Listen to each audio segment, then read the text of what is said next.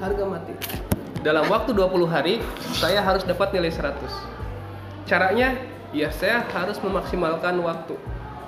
Saya sekamar dengan tiga orang, satu Pak Dr. Mula Warman, satu Dr. Kurnia, satu Dr. Solehudin. Dua dokter ini ngeri semua. Dr. Mula Warman dia dari UI, dosen UI gila. Satu Dr. Kurnia, dosen ITB, SBM. Tiga-tiganya the dokter dalam satu kamar. Tapi yang paling tinggi nilainya saya, 3,89. Nah, dokter Kurnia nanya, bro, ente pintar sekali. Jangan dulu lihat pintar, yang harus ngeri adalah ente yang paling pintar. Kenapa? Lu kampusnya di ITB bro, lu di UI, lah gue di Unsika kampus kecil. Tapi lu pintar, nggak ada pintar. Justru yang pintar itu lu, saya itu bego. Karena saya bolon, saya bego, saya mampu untuk memanfaatkan waktu. Ternyata yang membedakan antara kamu dengan saya hanya waktu dan optimalisasi. Kan saya orang manajemen, saya harus bisa memanage. Karena kamu udah menganggap dirinya pintar maka kamu eh, malas untuk belajar. Itu aja kuncinya. Karena saya merasa saya bodoh maka saya harus mengoptimalkan mengupgrade diri. Tahu nggak yang membedakan antara nilai saya dengan nilai anda berapa? Apa? Kualitas. Bukan kualitas kampusnya. Kalau kualitas kampus saya pasti kalah. Unsika kecil. Kamu ITB UI loh kita flashback aja saya bilang 20 hari apa yang kamu lakukan kita sama-sama buka laptop kan oke okay. ente bro saya bilang dari ITB Kurnia apa yang kamu buka? Iya sih, saya sadar diri, saya nonton banyak nonton drama Korea. Saya uh, googling dan lain sebagainya. Tapi kita sama-sama buka laptop, lu mau nonton drama Korea, gua membuka materi-materi kemarin yang sudah disampaikan narasumber. Fair ya? Iya. Berikutnya saya bilang yang kedua. Ya. Kita sama-sama buka HP di kamar buka HP, di kamar mandi buka HP, makan buka HP, nggak ada e, narasumber buka HP. Tapi apa yang apa yang apa yang membedakan antara kamu buka HP dengan saya buka HP? Kualitas buka HP.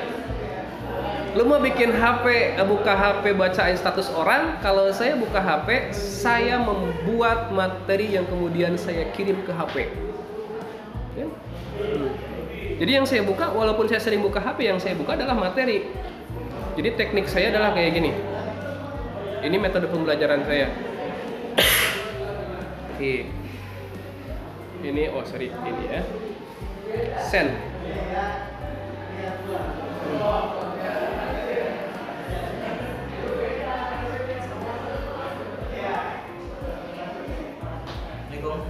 Ya. Kang, udah tekanan, Pak? Udah di print. Udah. Oke. Nah, ya. 14 ya. Dengan ini uh, microfinance udah. Oke, 14 SKS. Semuanya ya? Iya, Pak. Semua. Nah, pokoknya oke lah ACC ya. ACC. Iya, disamain aja biar satu. Hmm. Oke. Kasih tahu. Satu lagi, Pak. Mana? Tinggalan.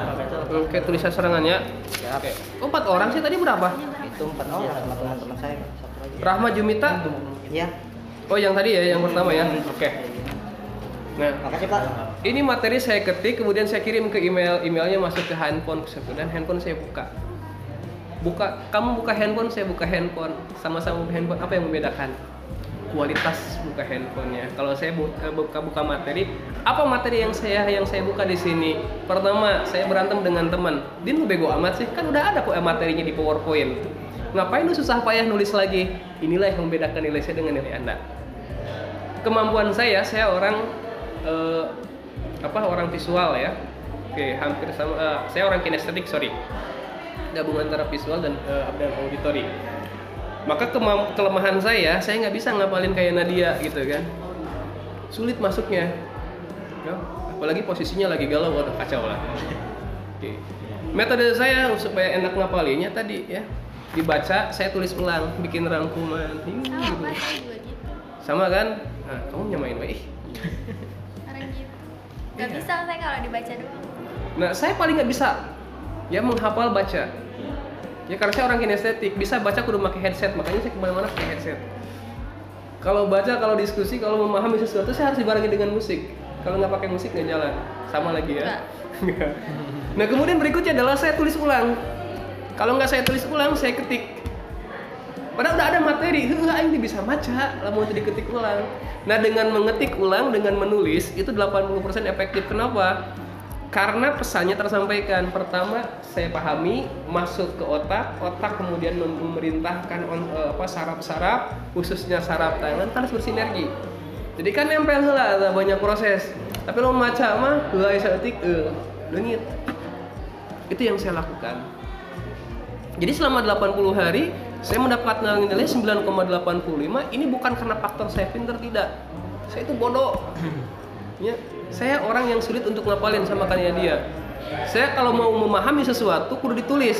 Nah ditulis nah ketika saya ngapalin satu kalimat aja sulit. Tapi begitu satu kalimat saya tulis tulis ulang lagi tulis ulang lagi tulis ulang lagi tulis ulang lagi. Lima kali nulis saya yakin satu kalimat saya hafal. Sama? Nggak nggak diulang-ulang gitu sih pak. Coret-coret. Nah, saya itu kalau memahami sesuatu, saya tulis dulu satu kalimat, satu paragraf kan. Kalau saya pengen hafal betul, saya tulis lagi dua kali, saya tulis lagi tiga kali, saya tulis lagi empat kali, lima kali saya nulis, saya sudah pastikan bahwa itu hafal. Oke, caranya yang kedua, coret-coret ya. Dalam memahami sesuatu, kamu harus tahu kata kuncinya, ya keywordnya. Oh, ketika dalam satu paragraf A, B, C, D, E, F, G, H, I, paling empat kata kunci. A kembangkan, B kembangkan, C kembangkan, D kembangkan, maka akan jadi satu paragraf. Yang penting kata kuncinya kamu pahami. Nah kalau saya kan pengen utuh menyeluruh, begitu. Jadi kesimpulannya adalah nggak ada orang yang pinter, nggak ada orang yang bodoh. Pinter dan bodoh adalah produk kita semua. Produk individu masing-masing. Orang yang rajin menghafal, rajin belajar, maka produknya adalah mendapatkan nilai yang maksimal. Pinter. Tapi orang yang kedul ngapalkan, kedul belajar ya hasilnya butut. Jadi jangan iri dengan 3,81 misalkan IPK Nadia, pasti ada proses panjang yang sudah dilalui. Mungkin saja kurang tidur, kurang makan, kurang yang lain-lain. Karena apa? Dia punya goal tadi ya. Nah, itu saya lakukan. Nah, maka ketika saya menyampaikan sambutan, saya bilang jangan iri dan jangan eh, punya penilaian yang lain-lain. Pada intinya kita semua ditakdirkan untuk menjadi orang yang hebat, menjadi orang yang pintar. Apa salah eh, problemnya? Selesai ya wal asri itu kata kuncinya. Orang yang merugi bagi yang tidak memaksimalkan wak- waktu. Hebat waktu itu. Terus bagaimana ya dimulai dari sekarang? Maka saya balik lagi. Kalian harus punya goal apa goalnya tadi ya. Nah bentar ya. Ini dulu. Oke. Goalnya adalah 4,0 ya. Kemudian nanti kamu breakdown semester 1 berapa, semester 2 berapa, semester 3 berapa, makanya saya minta kayak gini. Semester 1 ke semester 2 ada peningkatan nggak IP-nya? IP-nya turun pak Turun. Oke. iya 3,86 sekarang 3,76 turun kan? Oke, walaupun memang IPK-nya naik, saya nggak berbicara IPK, tapi IP. Kalau IP-nya, kalau sekarang IP-nya naik, IPK-nya ikut naik nggak? Indeks prestasi. Kan kita makan nih Pak IPK saya naik, tapi lihat grafik tiap bulannya, eh, tiap semesternya di stagnan. Nah, yang saya inginkan adalah IP kalian naik. Kalau misalkan 3,86, kalau sekarang 3,88, ini nah, ngedongkrak nggak? iya Tapi kalau ininya di 86, ininya ke 3,76, turunnya 10 kan? Coba kalau 10 misalkan stabil aja 3,86 lagi, mungkin ini 4,00? Mendekati. mendekati Karena ininya turun, maka ininya pun turun. Jadi jangan fokus di sini. Ya, fokus kalian adalah goal satu semester, minimal rata-rata A. Ya, kalau kumulatif nanti akan ribet.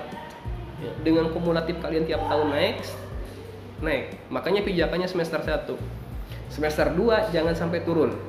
Kalau bisa pertahankan segitu. Jadi kalau 3,86 kali 8 berapa? Udah rata-rata A kan? Di sini aja kan kamu A. B2. Berarti kalau rata-rata A semua B plus sudah dipastikan gitu kan nilai kalian akhirnya adalah rata-rata A, B-nya cuman cuman 2. nah, kalau bisa ditingkatkan semester 8 B-nya tinggal satu. Semester 8 eh, berikutnya tidak ada B sama sekali. Itu komitmennya. Caranya ya kayak tadi. Nah, kebanyakan kita itu malas belajarnya di akhir dengan sistem ini, SKS, sistem kebut semalam. Ini yang terjadi. Saya nggak bisa. Hari pertama saya ketik esensinya aja kata kuncinya. Itu yang saya baca terus, yang saya pelajari. Hari kedua, yang pertama jangan dihilangin. A-nya saya baca lagi. di samping mempertajam yang B. Hari ketiganya saya dapat materi C, A-nya dibaca lagi, B-nya digarap lagi, C-nya diperdalam. Jadi semakin akhir yang lama tetap nempel, makin matang, yang akhir jadi. Maka inilah nilai akhir saya 9,8. Bisa sangat bisa. Cuma kan kuliah kaos kupu-kupu. Kumpul pulang, kumpul pulang. Mau nilai halus. Ya. Nah, itu. Oke, kemudian nanti tugas kalian adalah print yang tadi ya nambahnya hanya bisnis etik ya. Kemudian hasil printnya eh, kartu rencana on apa eh, KRS-nya yang sudah di online bawa lagi ke sini nanti saya parap kumpulkan. Nah inilah perwalian tolong sampaikan ke teman anda jangan diwakilkan. Karena saya kewajibannya ini memberikan perwalian kepada kalian. Jadi mau diwakilkan mah nanti saya takut diminta pertanggungjawaban ya naon pertanggungjawaban anak si macan ari honor dicopot sen digawe henteu. Kumaha lamun dipinta pertanggungjawabannya di dunia? Ai pertanggungjawaban di akhirat mah masih nasi ya bisa saya payah heula itu nyawa saya disiksa. Nah bagaimana kalau dipinta pertanggungjawabannya di dunia? Contoh lah dipinta pertanggungjawabannya di, di, di jalan tol. Udah aing ditabrak mobil aduh payah. Gara-gara keamanah nah itulah. Makanya tolong ya sampaikan ke teman-teman tidak ada yang diwakilkan. Karena prosesi perwalian adalah ini ya di Unsika sedih. Di FEB yang kayak tadi kan semester semester akhir semester 7 saya tanya lu mau ngambil apa skripsinya? Nggak tahu semester 7 tahu nggak tren kelulusan kita dari 2012 sampai 2017 itu hanya 40 persen. Disampaikan sama Pak Pajar kemarin ketika rapat evaluasi akademik kita tiap tahun itu tidak pernah meluluskan dari 50 persen. Kenapa? Ya problemnya di akhir. Semester 1 sampai semester 7 mahasiswa tertib masuk ke semester 8 eh, yang tadi bimbingan dengan saya minta tanda tangan itu angkatan 2012 berapa tahun? Udah? Hampir 7 tahun. Gila dan 2017 itu masih banyak baru 125 kita berapa? 105 300 lebih satu angkatan. Namun 125 itu setengah-setengah acan tahun 2012 tahun ke sininya kemarin cuma berapa? 28 yang di wisuda. Dari 300 orang berapa? Berapa nah, problemnya di mana? Mereka di sini. Nah ini tren kelulusan kita 40 persen. Butut di akhir Nah ini siapa yang disalahkan? Bukan prodi, bukan fakultas. Ente dosen murid yang harus disalahin. Itu. Nah hari ini teman-teman itu kebanyakan kan pusingnya kan ke dosen pembimbing. Dosen pembimbing itu adalah akademik, urusan skripsi. Nah ketika ada hal-hal yang lain-lain ya tugasnya dosen wali. Maka kemarin saya sampaikan di rapat, ini harus di, harus di, harus diusut gitu, harus diperjelas tupoksinya dosen wali ada di mana yang harus disalin siapa? Ya dosen wali oh hari honor unggal pulang di, di cokotan ban. Enak aja dijaji sama negara. Ya anak perwaliannya nggak diurusin. Makanya saya tanya kenapa nilainya kecil? Kamu eh, apa eh, sih istilahnya eh, pertahankan belajarnya? Kamu eh, kapasitas belajar ditinggikan ditingkatkan lagi. Kan nanti banyak program-program ya. Nah kalau kayak gini kan pak saya ada KBM gimana kalau dengan bapak Hayu karena kemarin ada yang ngajak komunikasi dengan saya ya sudahlah. Saya anak uh, saya pakai anak fakultas uh, fisip kan. Saya ambil anak pertanian saya ambil anak fasilkom kan. Kemarinnya anak himas saya kan ngisi ya. Ngisi materi gerakan. Nanti ada nggak? Enggak ya. Gerakan 15.000 pengusaha Oh yang di muda yang di Pemda. Awalnya mengadakan di di Unsika di Unsika nggak boleh ya sudah di Pemda. Oke siapa yang dapat mesin jahitnya? Empat mesin jahit yang diberikan oleh bupati kepada siapa? Si bule. Iya. Ya, apa si bule? Yang mana? Yang bule kakak kelas ya sekarang udah semester 8 si bule dapat empat mesin mesin jahit. Terus ke mana nyetui saya udah udah udah udah antras gitu ya. Ya paling tadi kan ayo mana anak-anak saya mana anak bimbingan saya? Yuk kita banyak program oke. Nah tugas dosen wali adalah ini. Kita eh, apa diskusi ngobrol gitu kan karena saya adalah orang tua kalian. Ketika di kampus apa masalahnya? Ke depan kalian mau apa? Kayak tadi kan pak bisa nggak banding UKT bisa? Tapi harus tanda tangan dulu dosen lagi pak saya ke depan pengen beasiswa banyak. Ya baik PPA ataupun beasiswa dari yang lain-lain. Pak channel saya setelah lulus mau ke mana? Mau tes CPNS saya mau misalkan mau kerja ya diarahkan dari sekarang nah kenapa sekarang masih banyak yang nganggur? Karena nggak jelas. Ya kan? mau ke mana setelah lulus? Kamu setelah lulus mau ke mana? Pengennya daftar BUMN pak. BUMN kamu? Pengusaha. pengusaha pengusaha naon teh? Kamu mau ke mana? Pengusaha kopi pak.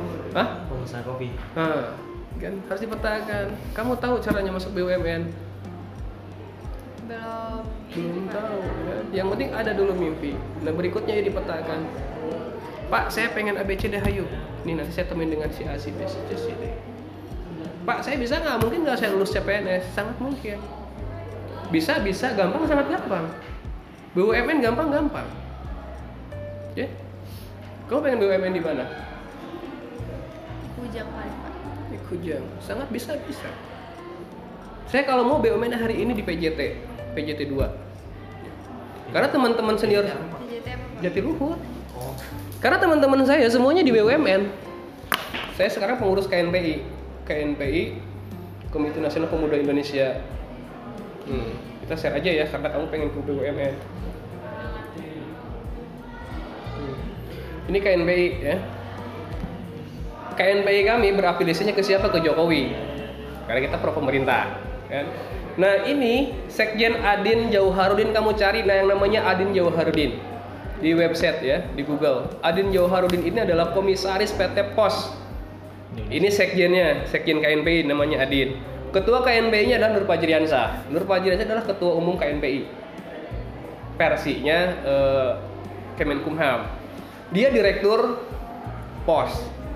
Dan teman-teman saya yang lain semuanya pada masuk BUMN kemarin saya nanya eh, Pak Jadi mau dikasih PJT Din kamu ambil PJT bos saya nggak bisa. Kenapa? Karena saya PNS kalau saya bukan PNS saya mau ambil.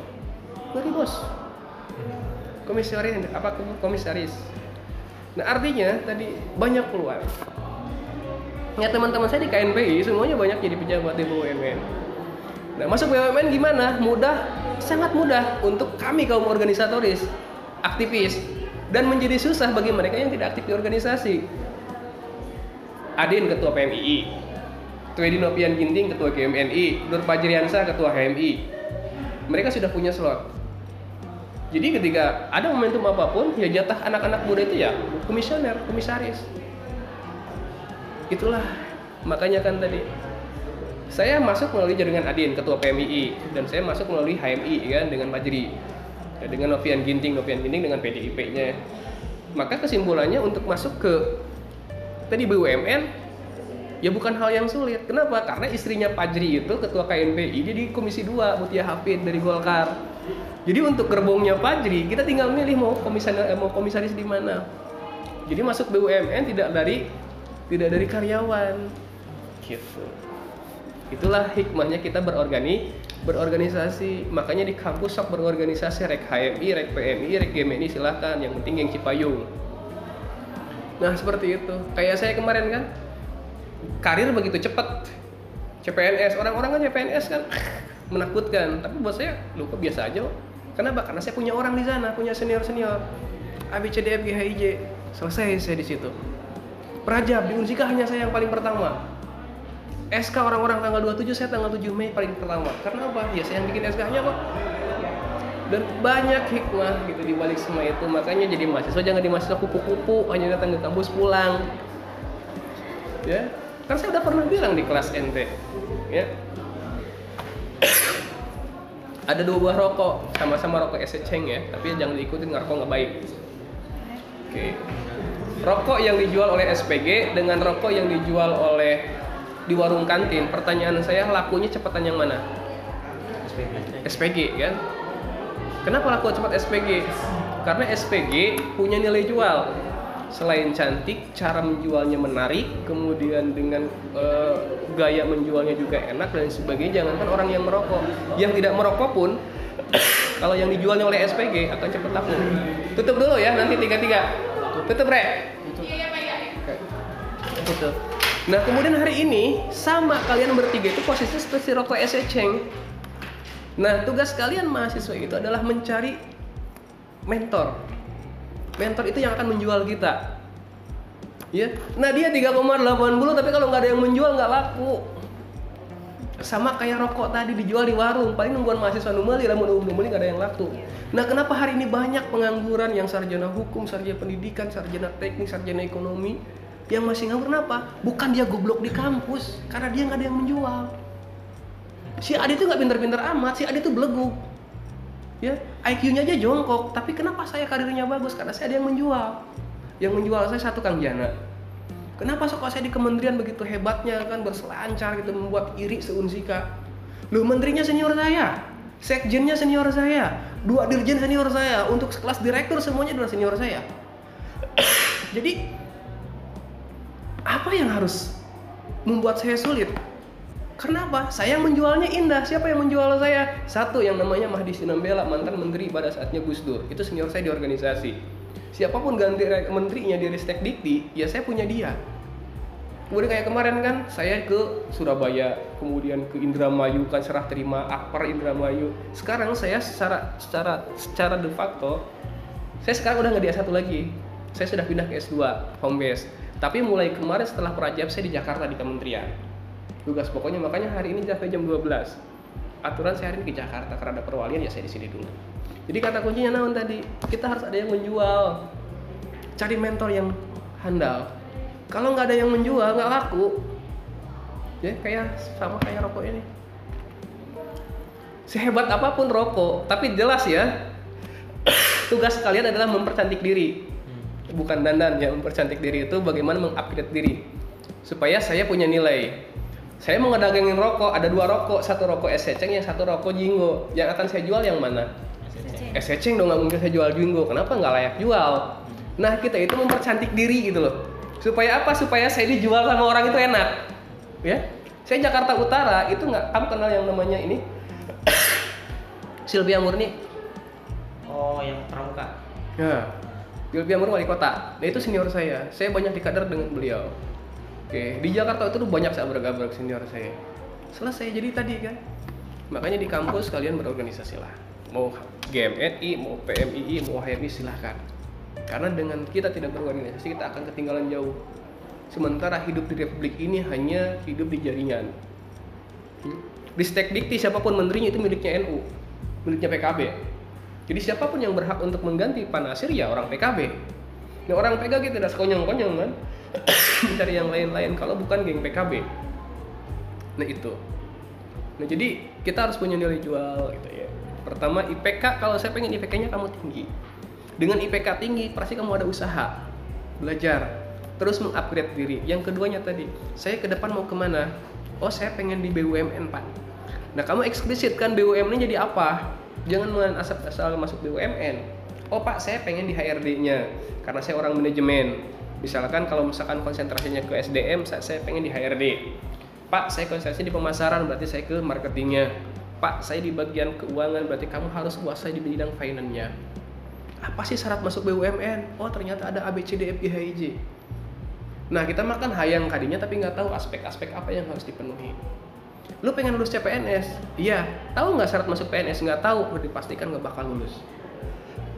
Pengen lulus CPNS apa sih? Ya harus menguasai TIU, TKP dan TWK. Tiga aspek tadi harus kita genjot. TIU apa saja yang bakal keluar ini loh rumusnya A B C D F G H I J. Tahun kemarin ini yang keluar polanya, angkanya yang berbeda. Kuasai dan pahami kan orang uh sulit banget kan masuk CPNS katanya susah dan sebagainya kata saya enggak juga saya sekali tes lolos teman-teman udah dua tiga kali ada yang empat kali kok nggak lolos lolos kenapa karena tidak tahu rule-nya hari-hari yang jadi CPNS tapi nggak tahu rule-nya ya nggak bakal nyampe nyampe itu. Saya kemarin ketemuan dengan direktur. Pak direktur yang ngajak ketemuan. Direktur kompetensi. Saya besok di bulan Oktober 550 guru apa eh, rektor kepala golongan 4B balik ke Pemda Kepala Dinas sudah di tangan. Sementara yang lain di Unsika hanya Pak Eman dengan Pak Rahmat Hasbullah almarhum yang lektor kepalanya masih 400. Ya, makanya tadi kan sok kalian upgrade diri mulai dari sekarang kamu bikin ya. Nah, goalnya apa? Ya untuk goal jangka pendek adalah targetan kamu IPK 4,00. Goal jangka panjangnya Oke, goal jangka panjangnya JP-nya kamu pengen apa? Tapi kalau pengen BUMN, BUMN-nya di mana pengen masuk di Kujang Kujangnya di daerah apa di bagian apa pengen masuk HRD banyak alumni Unsika yang S2 nanti saya temuin dengan si Pino saya temuin dengan Pak Ade saya temuin dengan Pak Nandang. Banyak sekali. Pengen diproduksi banyak ya. Kayak Pak Didin Pak Ade diproduksi. Kemudian pengen di yang lain banyak. Tapi kita harus punya nilai jual ya. Jangan sampai saya nitipin orang Pak saya nitip kader saya. Siapa? Nadia. Yang saya bawa nggak menjual nggak marketable. Kan malu ke saya tapi ketika saya bawa orang ini loh saya titip orang. Namanya si A B C D E F H J misalkan si A. Nah secara kualitas ini orang layak gitu loh. Oh iya ternyata anaknya pintar. Ternyata anaknya supel bisa bergaul kemudian enak lah dalam semua hal. Maka kesimpulannya ya sudah selesai. Saya heb, sehebat apa pun saya masarin Nadia tapi Nadianya nggak bisa dijual ya nggak bakal laku. Saya dulu kayak gitu dari komisi 10 ke tenaga ahli kemudian staf ahli menteri turun lagi sampai terjun ke Karawang balik lagi ke Jakarta karena ada yang menjual dan kitanya siap. Nah kalau kitanya ada yang menjual kitanya nggak siap ya repot. Saya kemarin debatable dengan Pak Eman. Yang kenapa saya nggak saya eh, KBMI kenapa nggak eh, saya nggak lulus? Saya tanya bapak tahu nggak saya bilang KBMI itu apa? Pernah buka-buka nggak saya bilang proposalnya? Pernah submit nggak saya bilang? Nggak pernah. Ya jangan mimpi bapak mau lulus saya bilang saya dengan anak-anak saya guide dari A sampai Z ini loh novelty-nya. Nah ketika saya diskusi ke sana ke apa ke Pak Kiai ya, ketika saya buka di mana teman-teman saya nggak lulus? Ternyata hanya satu. Ya. mereka Nobel purpose-nya nggak kena. Padahal kan Bu Anggi kan aralus juga. Uh, yang lain. Saya judulnya apa? Rumah berjalan anak kos yang saya jual apa? Nasi kemudian ikan ayam nukarawas gitu warung warung tegal. Tapi Nobel, eh, Nobel purpose-nya saya tuntas. Di samping saya ada kedekatan dengan direktur kemahasiswaannya Pak Didin ya dengan orang-orang yang mengeksekusi di sana. Kemudian proposal yang saya buat layak untuk mendapatkan itu. Jadi tidak asal. Nah di ekonomi rata-rata semuanya proposal nang asal ya saya buka ini tapi jangan dibuka ke yang lain ya. Iya. Hmm.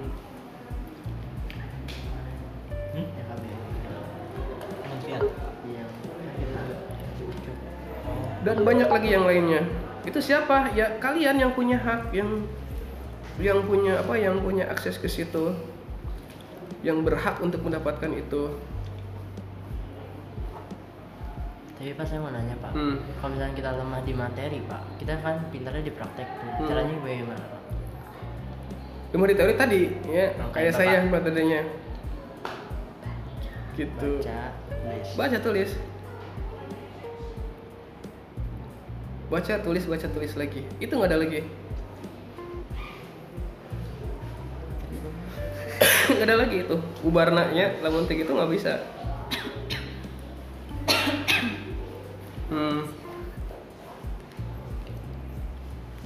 Nanti kalau ada info-info apa-apa, kabar ya makanya dibuat ya sok dibuat itunya. Grup ya. Hmm.